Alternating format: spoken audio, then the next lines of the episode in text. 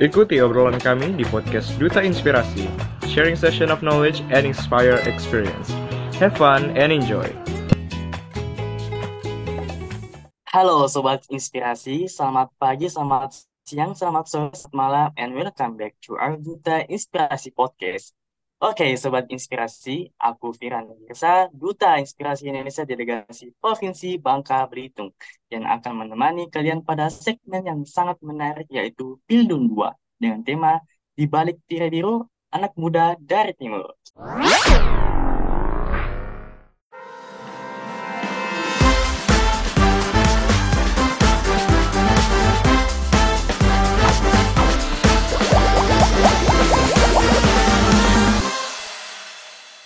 Oke, Sobat Inspirasi, tanpa berlama-lama, karena aku sudah kedatangan narasumber yang luar biasa pada hari ini, beliau adalah Abdi Abdi Ardiansyah. Wah, gimana ini kabar Kak Abdi Ardiansyah pada hari ini? Halo, Halo. selamat malam, Firhan. Baik, baik, baik. Kamu sendiri gimana?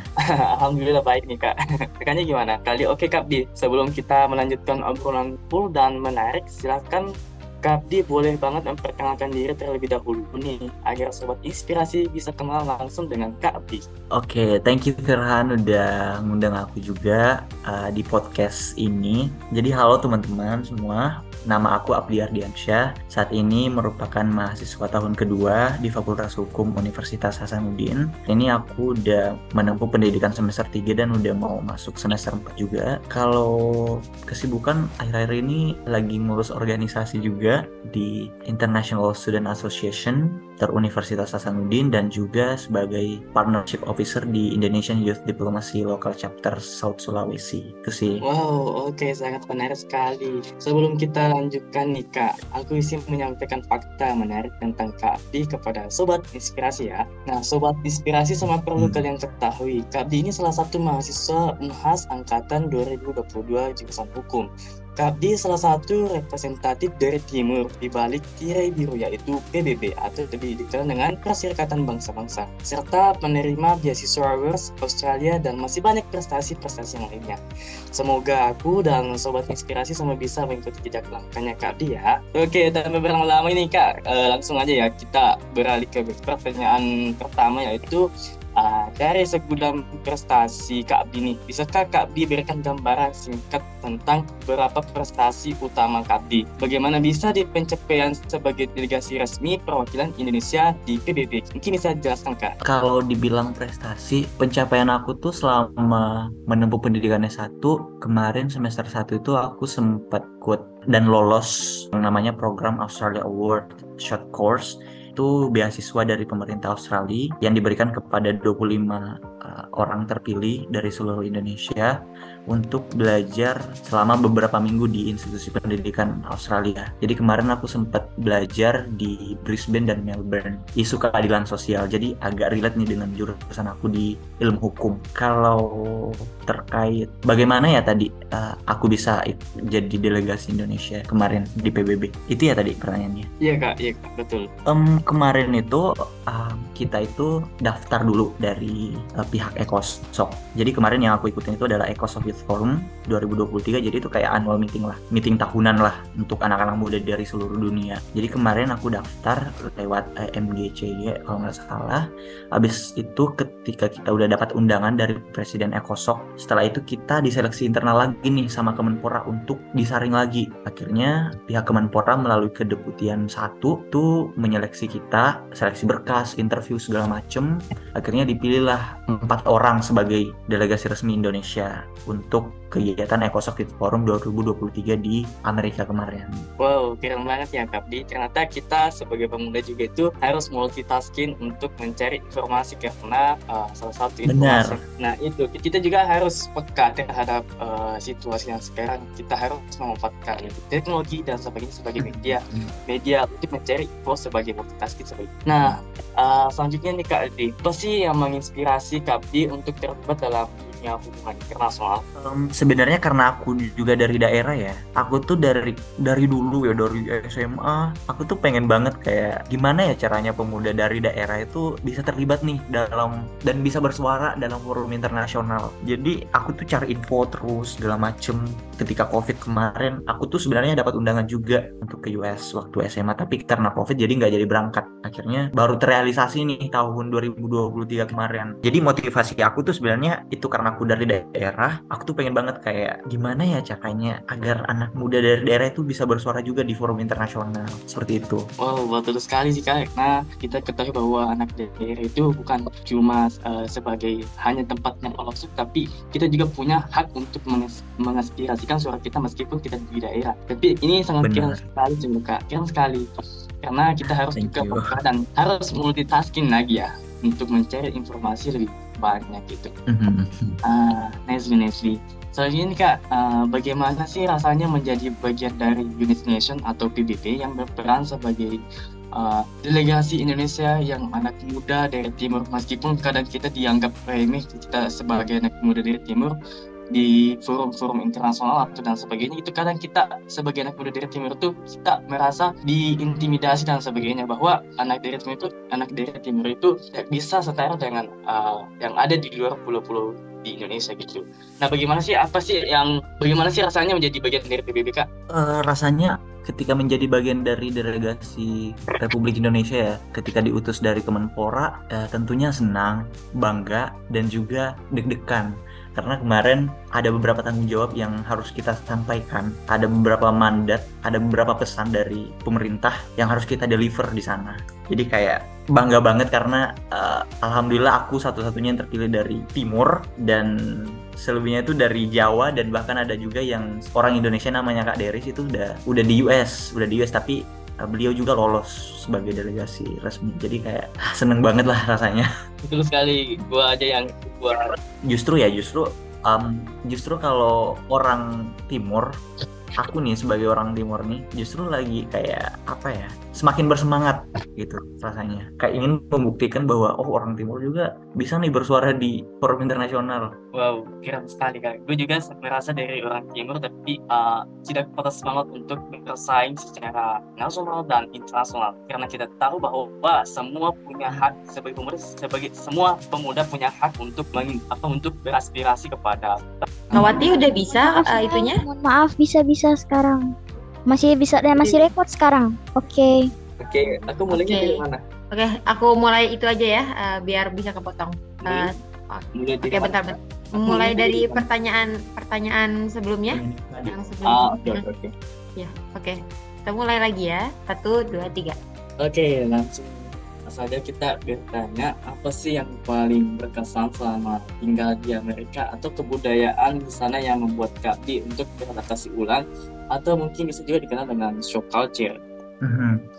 Mungkin kalau culture shock di sana itu uh, aku nggak nggak terlalu merasa culture shock ya di sana. Cuman kalau uh, dari segi cuaca mungkin karena kita dari timur ya, kita dari Sulsel yang udah kebiasa bahkan kemarin udah sampai 40 derajat ya panasnya aku tuh pas sampai di sana itu kayak dingin banget sumpah dingin dan aku nggak terbiasa dengan cuaca yang seperti itu jadi cara aku kemarin aku pakai baju double terus pakai jas terus uh, jalan tuh ke UN dengan cuaca yang sangat dingin.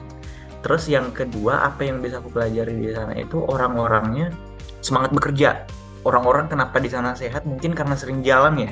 Orang di sana itu kayak kalau mau kerja pasti jalan. At least dia tuh pakai naik sepeda.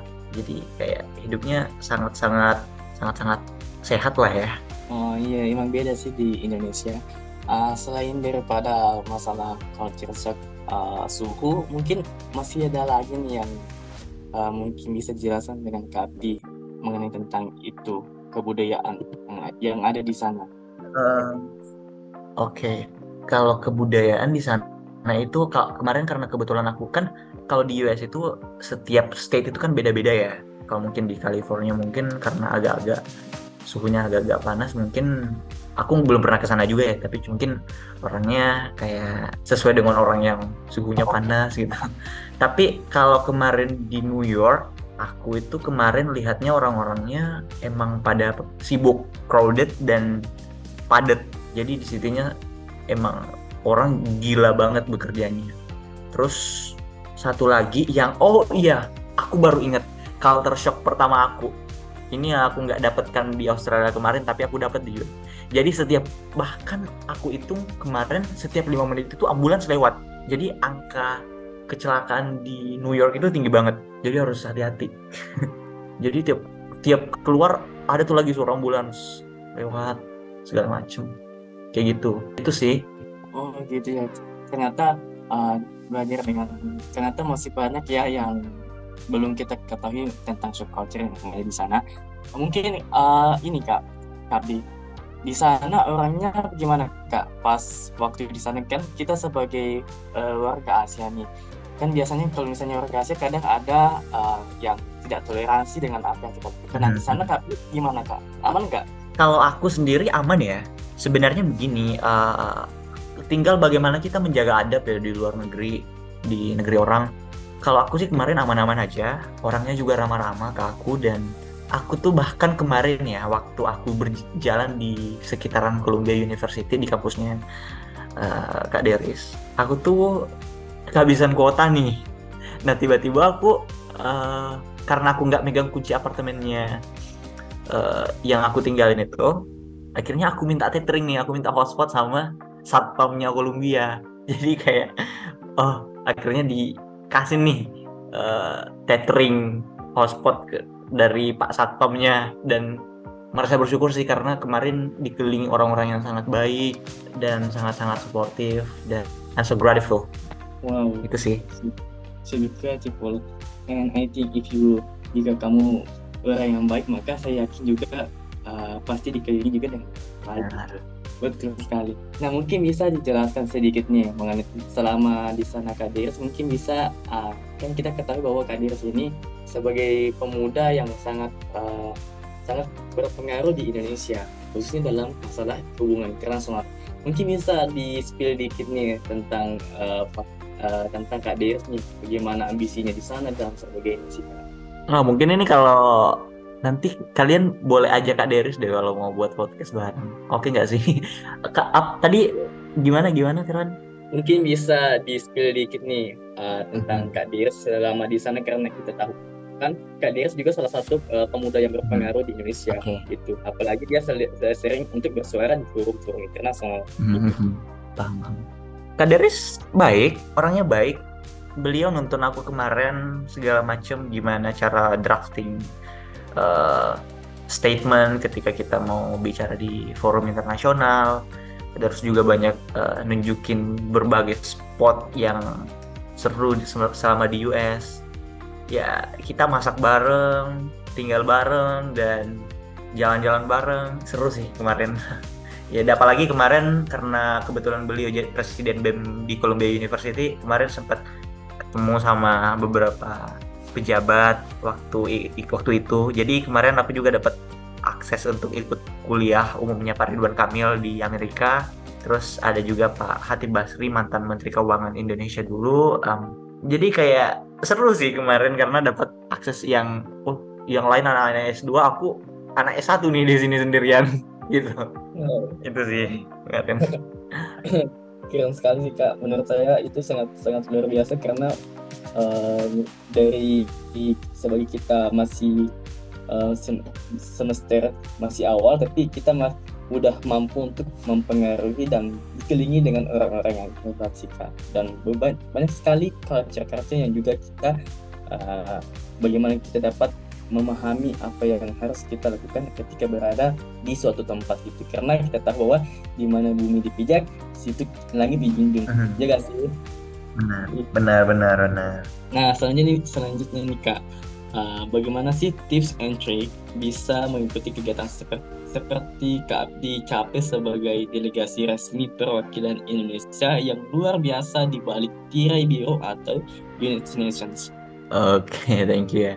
Um, kalau bicara tips ya, intinya pertama uh, harus bahasa Inggris. Jadi kayak aku juga sebenarnya belajar bahasa Inggris itu secara otodidak ya. Jadi nggak pernah take course apa segala macem. Dan sekarang juga masih uh, still learn learning tentang English segala macem.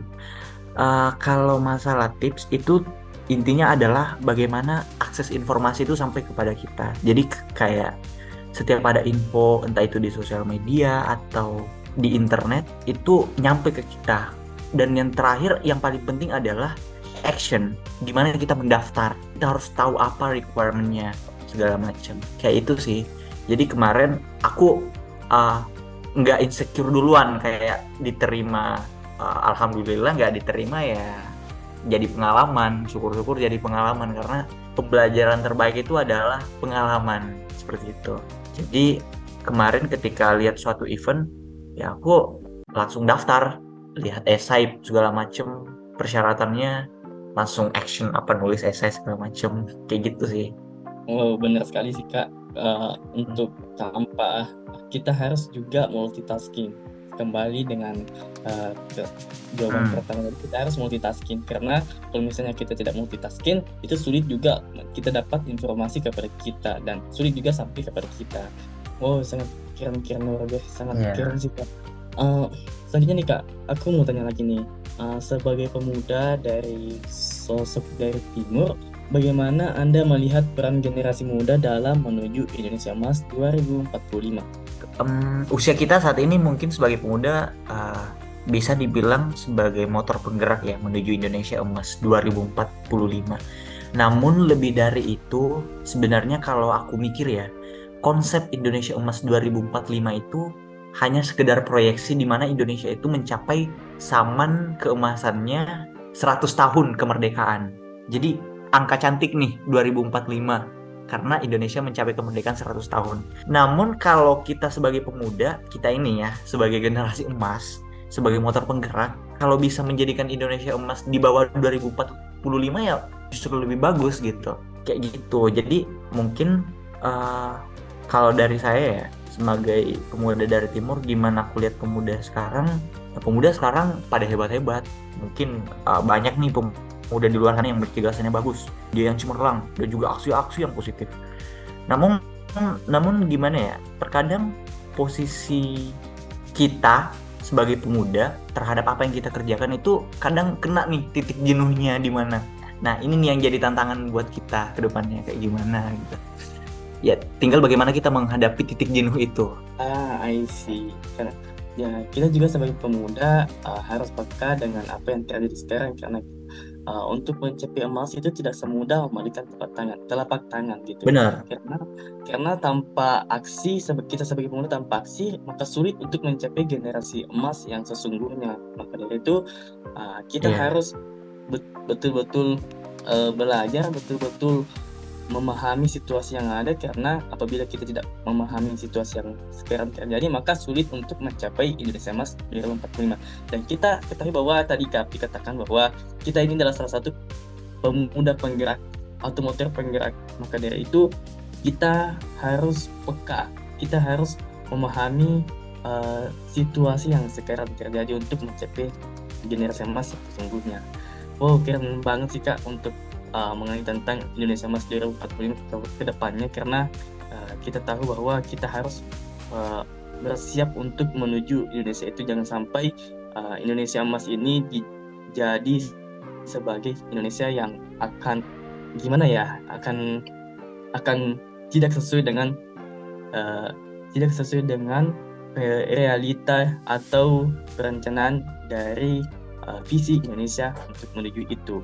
Keren banget sih kak. Nah selanjutnya selanjutnya nih kak, aku mau nanya nih, bagaimana anda menjaga motivasi terutama di tengah tantangan global yang kompleks? Karena kita tahu bahwa setiap masa itu ada samanya di mana samanya itu beda-beda. Karena kita ya sekarang kayaknya udah gengsi ya kak? Kayaknya ya. Iya kayaknya ya karena kita kadang ketika kita melakukan sesuatu kita kadang disandi-sandikan dengan sebagai generasi gensi dan sebagainya. Nah kita ketahui bahwa generasi gensi ini adalah ibaratnya seperti generasi strawberry di mana strawberry ini kita lihat bahwa okay. ini adalah yang cantik namun mudah untuk lecet. Nah mungkin uh, tanggapan dari uh, Kak Bi gimana nih mengenai tentang hal ini untuk menjaga motivasinya Kalau aku ya gimana menjaga motivasi mungkin fokus ke diri sendiri sih. Itu nggak usah mikirin perkataan orang lain karena perkataan orang lain mungkin mungkin ada yang membuat kita semangat, tapi di sisi lain juga ada yang membuat kita down. Jadi kita ambil yang apa yang apa energi positif dari orang lain yang diberikan, kita abaikan energi negatif dari orang lain kayak gitu. Jadi gimana menjaga motivasi yaitu fokus terhadap diri sendiri walaupun mungkin kita sam itu tadi kan tantangan ya. Tantangan mungkin kita sebagai generasi Z itu uh, terkadang sampai nih di titik jenuh terhadap apa yang kita kerjakan. Aduh bosen nih apa gitu segala macam. Scroll TikTok apa berjam-jam. Oke sih kalau misal scroll TikTok tapi uh, banyak nih manfaat-manfaat yang bisa kita petik. Tapi itu sih tadi untuk menjaga motivasi fokus sama diri sendiri. Kita ingat kembali kita udah nyampe di titik ini sangat sia-sia kalau kita berhenti di tengah jalan seperti itu itu yang aku pikirin ketika terjadi demotivasi dalam diri aku. Oh dan juga satu yang paling penting ingat orang tua. Orang tua itu paling penting banget. Ketika kita mencapai titik jenuh, kita harus mikir kembali nih kayak orang tua nih harus ada yang kita harus banggakan nih orang tua kayak gitu. itu sih yang paling penting. Iya betul sekali kak. Yang kita harus ketahui bahwa kita fokus pada diri sendiri kita. Uh, kita harus uh, ingat pada orang tua karena salah satu doa orang tua adalah doa yang mampu menembus cakrawala gitu. Ah iya iya benar sih benar. Iya. Uh, dan juga saya juga sempat petik bahwa dari uh, moto dari Sulawesi Selatan bahwa lakukan apa yang kamu mulai ibaratnya seperti sekali layar terkembang pantan surat ke belakang asik hmm.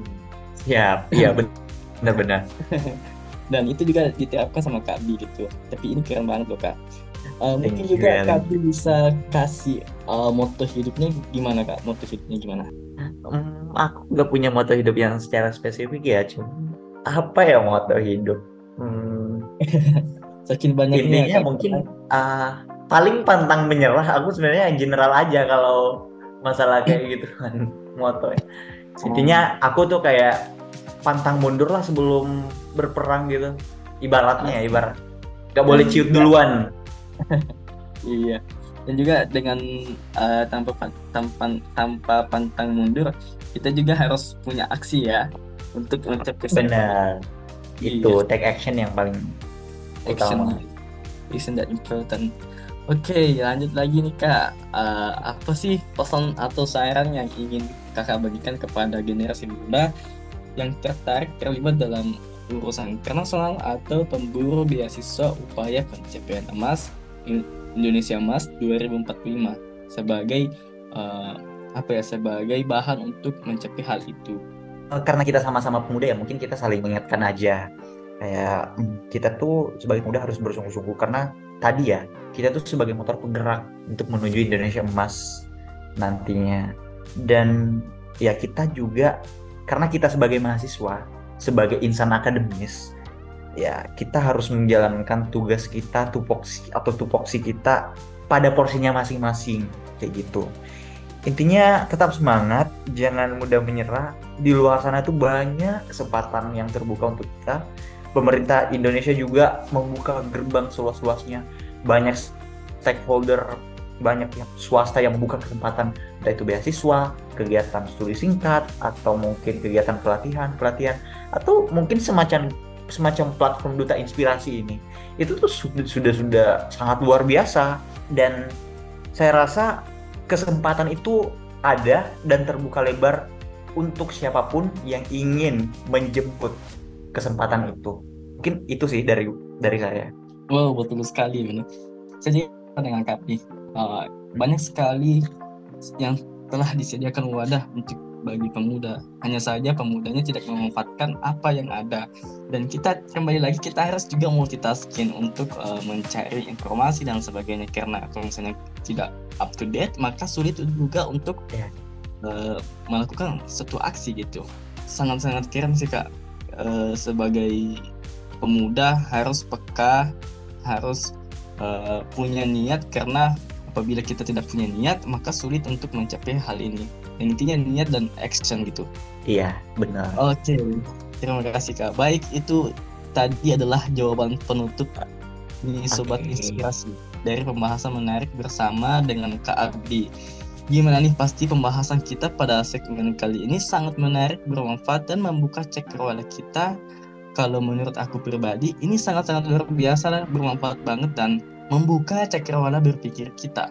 Semoga aku dan sobat inspirasi semua dapat menjadikan pembahasan ini sebagai motivasi dan semangat dalam melakukan berbagai hal positif nantinya. Oke, sobat inspirasi. Semua tidak terasa kita ternyata sudah banyak uh, mendengarkan sharing yang sangat menarik dari Kak Abdi. Akhirnya kita sampai di penghujung podcast Pildun episode 2 nih.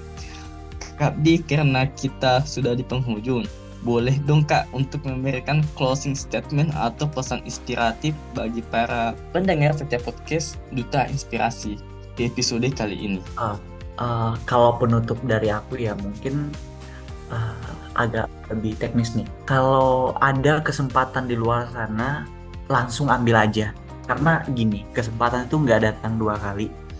Dan kita sebagai pemuda, tinggal bagaimana kita memanfaatkan kesempatan itu.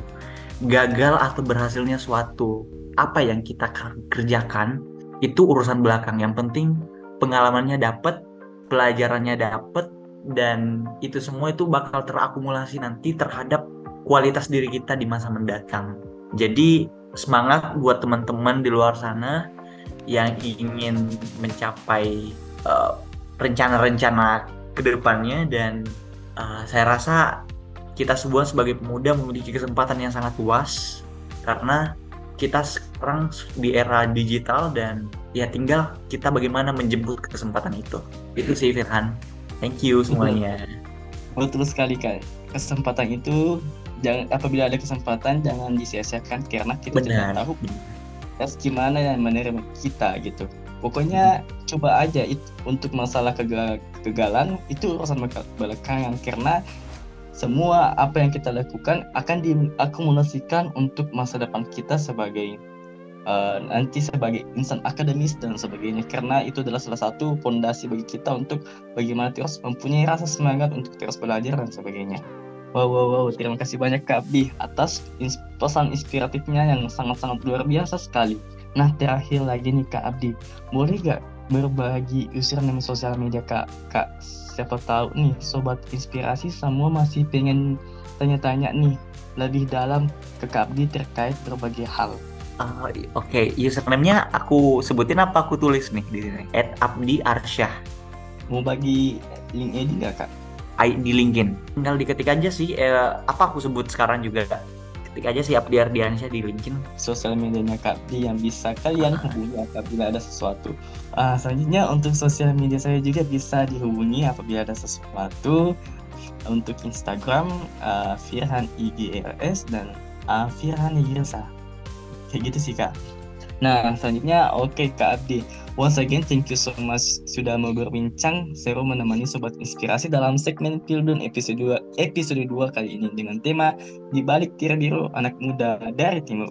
Untuk Sobat Inspirasi di seluruh belahan dunia, serta umur semu, serta semua pendengar setiap podcast Duta Inspirasi, jangan lupa untuk mendengarkan selalu podcast dari Duta Inspirasi Podcast karena kami akan menyajikan podcast dengan segmen tema episode dan narasumber-narasumber yang luar biasa. Aku Firhan Girsa, pamit undur diri dan sampai jumpa. Merci beaucoup, gracias. Duta Inspirasi Podcast, bergerak terinspirasi berdampak menginspirasi.